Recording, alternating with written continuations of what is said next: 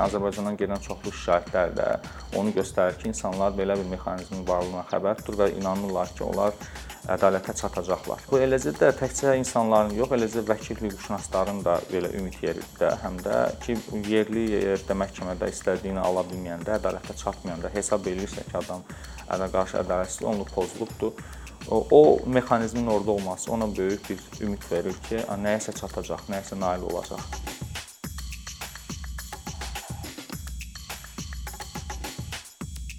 Azərbaycan 2002-ci ildə Avropa İnsan Hüquqları Konvensiyasını ratifikasiya edib və bununla da Avropa Konvensiyasının və məhkəməsinin Azərbaycanda hüquq sisteminə təsiri artıb.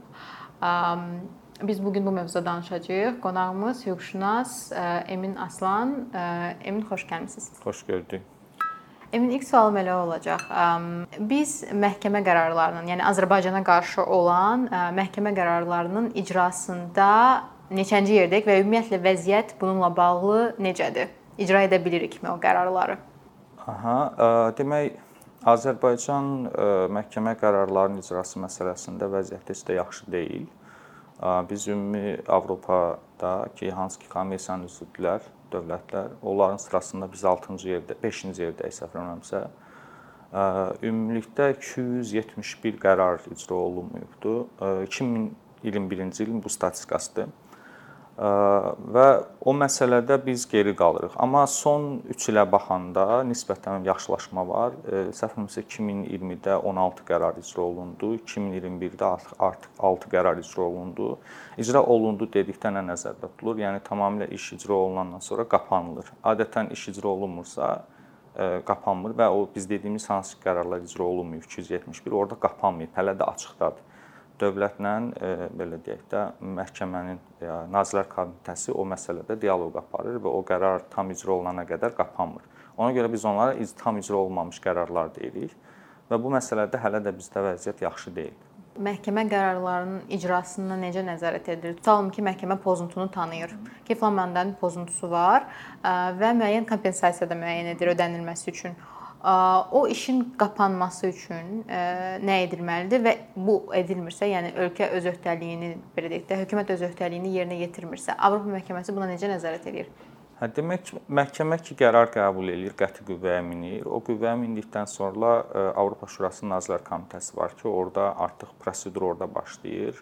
Orada hər bir, bir ildə 4 dəfə toplantı keçirilir. Avropa İnsan Hüquqları toplantısı deyirlər səhv olmasa ona və orada o toplantıda hər dəfə ölkənin icra icras vəziyyətinə baxılır, məhkəmə qərarlarının. Həmin toplantıda məhkəmə qərarı qəti qüvvəyə mindikdən sonra 6 ay müddətində dövlət hansı tədbirləri görəcəyi ilə bağlı Nazirlər Komitəsinə belə deyək məlumat və fəaliyyət planı təqdim eləyir. O fəaliyyət planında detallı şəkildə məhkəmə qərarlarında göstərilmiş belə deyək ki, pozuntularla bağlı falan-falan işlərin görüləcəyi və falan vaxtda görüləcəyi ilə bağlı e, açıq-aydın yazmalıdır.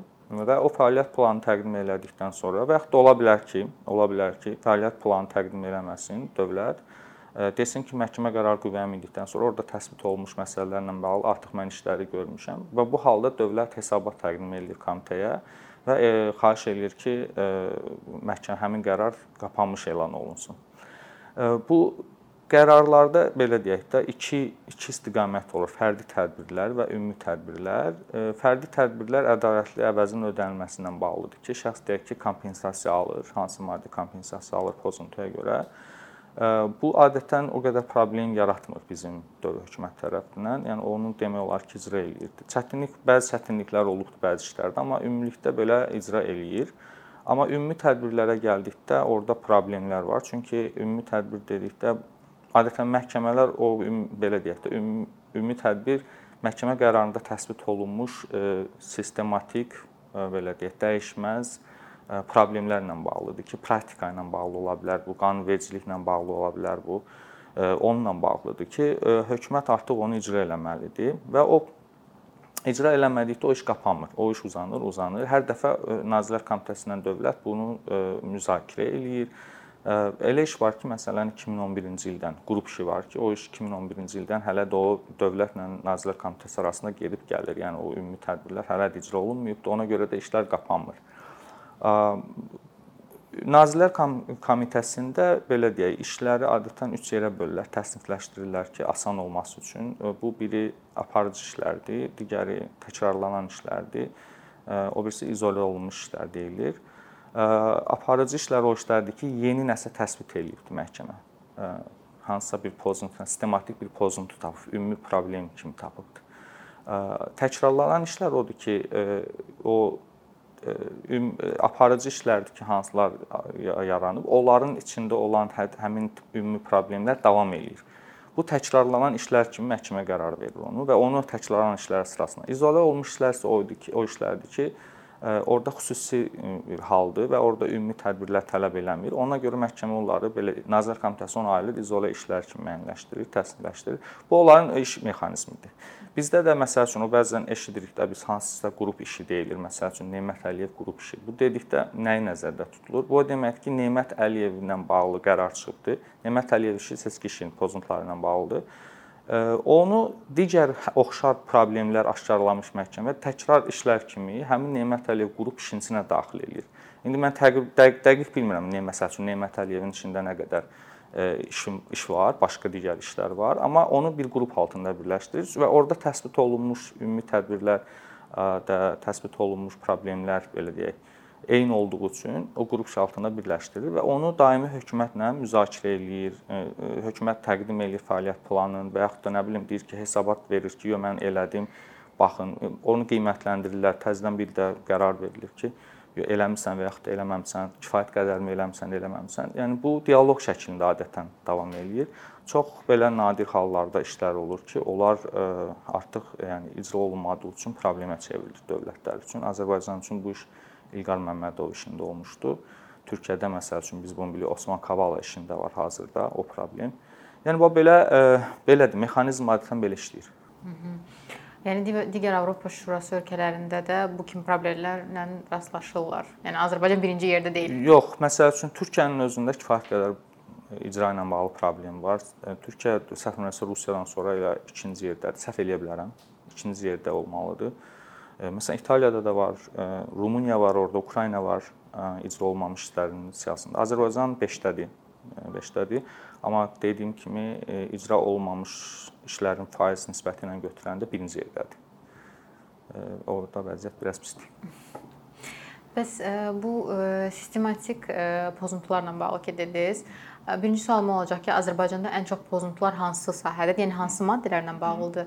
Və ikinci tutalım o sistematik pozuntuları məhkəmə görür və onunla bağlı müəyyən məsləhətlər yönləndirir, tövsiyələr deyək də, yönləndirir hökumətə.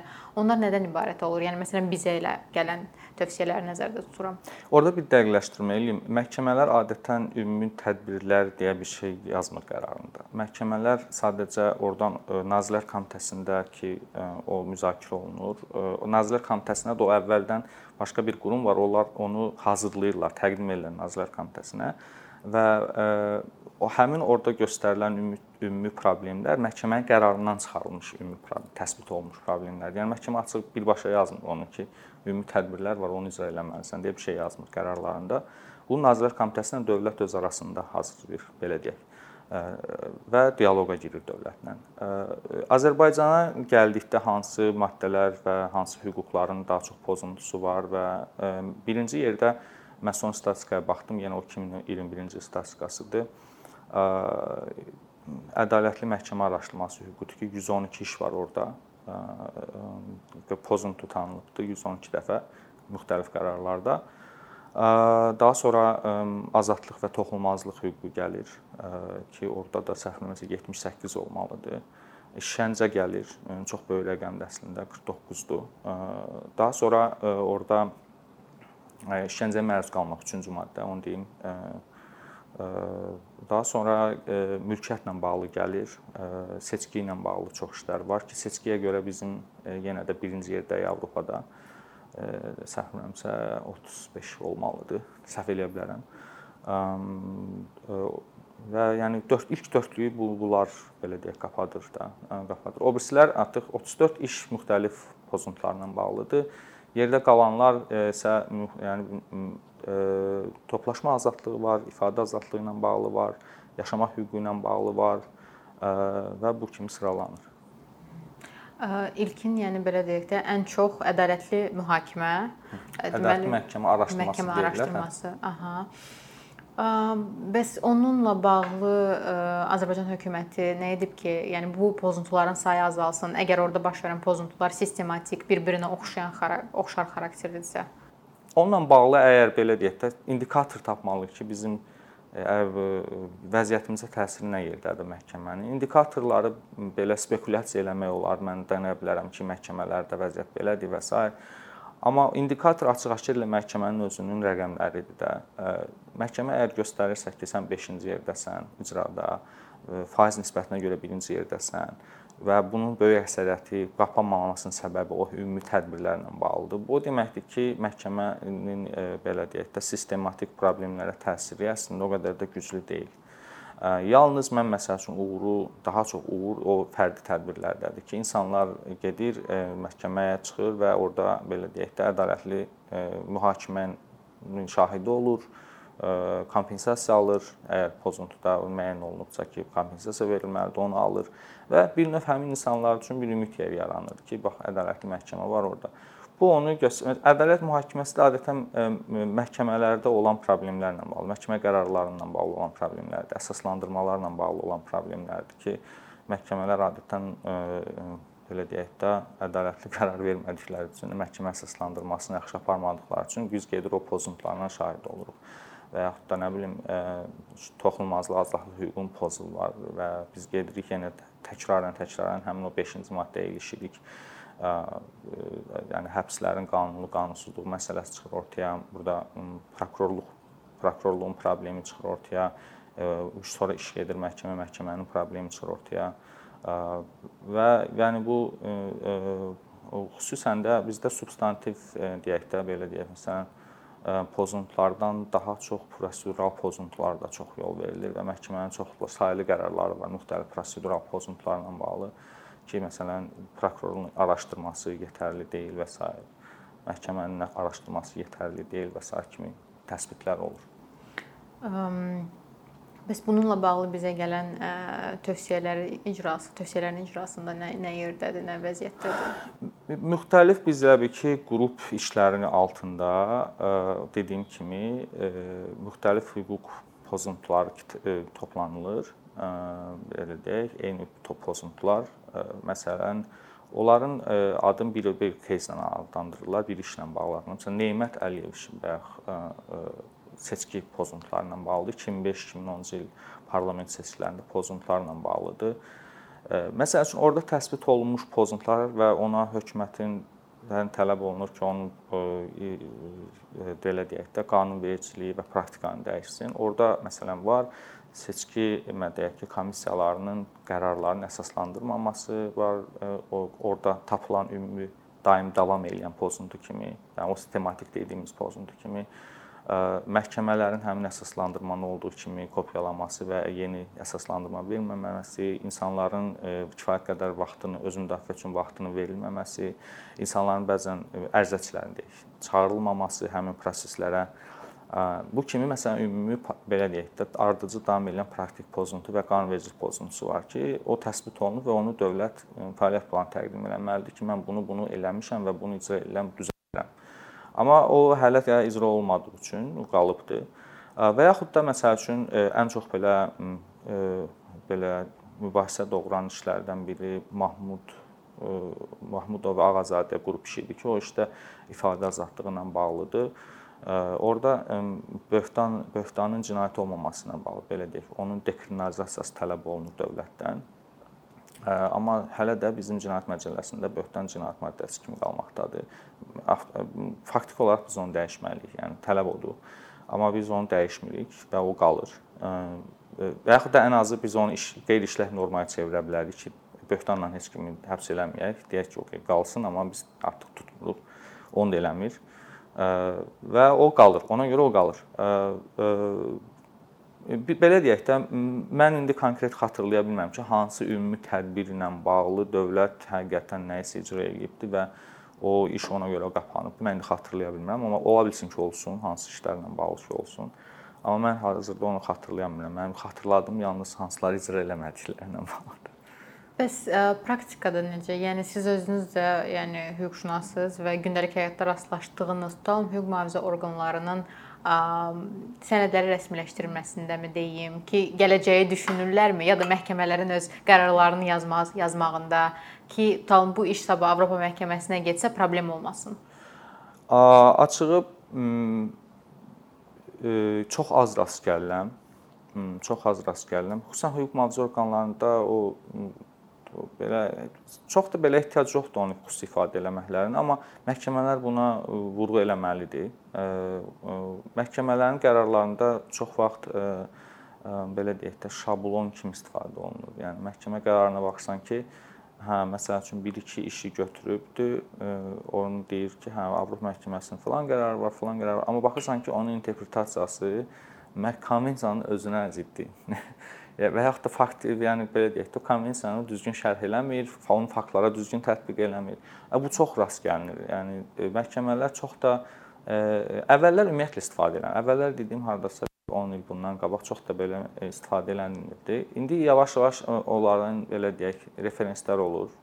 Amma dediyim kimi tam mahiyyətini başa düşmədən və yaxud da baha başa düşmür, müəyyən eləyir, yoxsa qəsdən eləyir, onu bilmirəm. Amma daha çox görürsən ki, şablon şəkildə tətbiq eləyirlər və mahiyyətinə varmırlar onun ki, bu məhkəmə qərarında istifadə olsun. Çox mən az hüquqşünaslardan eşitmişəm ki, bəzi hakimlər var ki, onlar yaxşı istifadə edirlər onu, amma bu çox nadir hakimlərdir. Mən xatırlamıram həmin hakimləri, amma deyilənə görə məhkəmələrdə bəzi hakimlər bunu yaxşı istifadə edə bilər, yaxşı əsaslandırma verə bilər.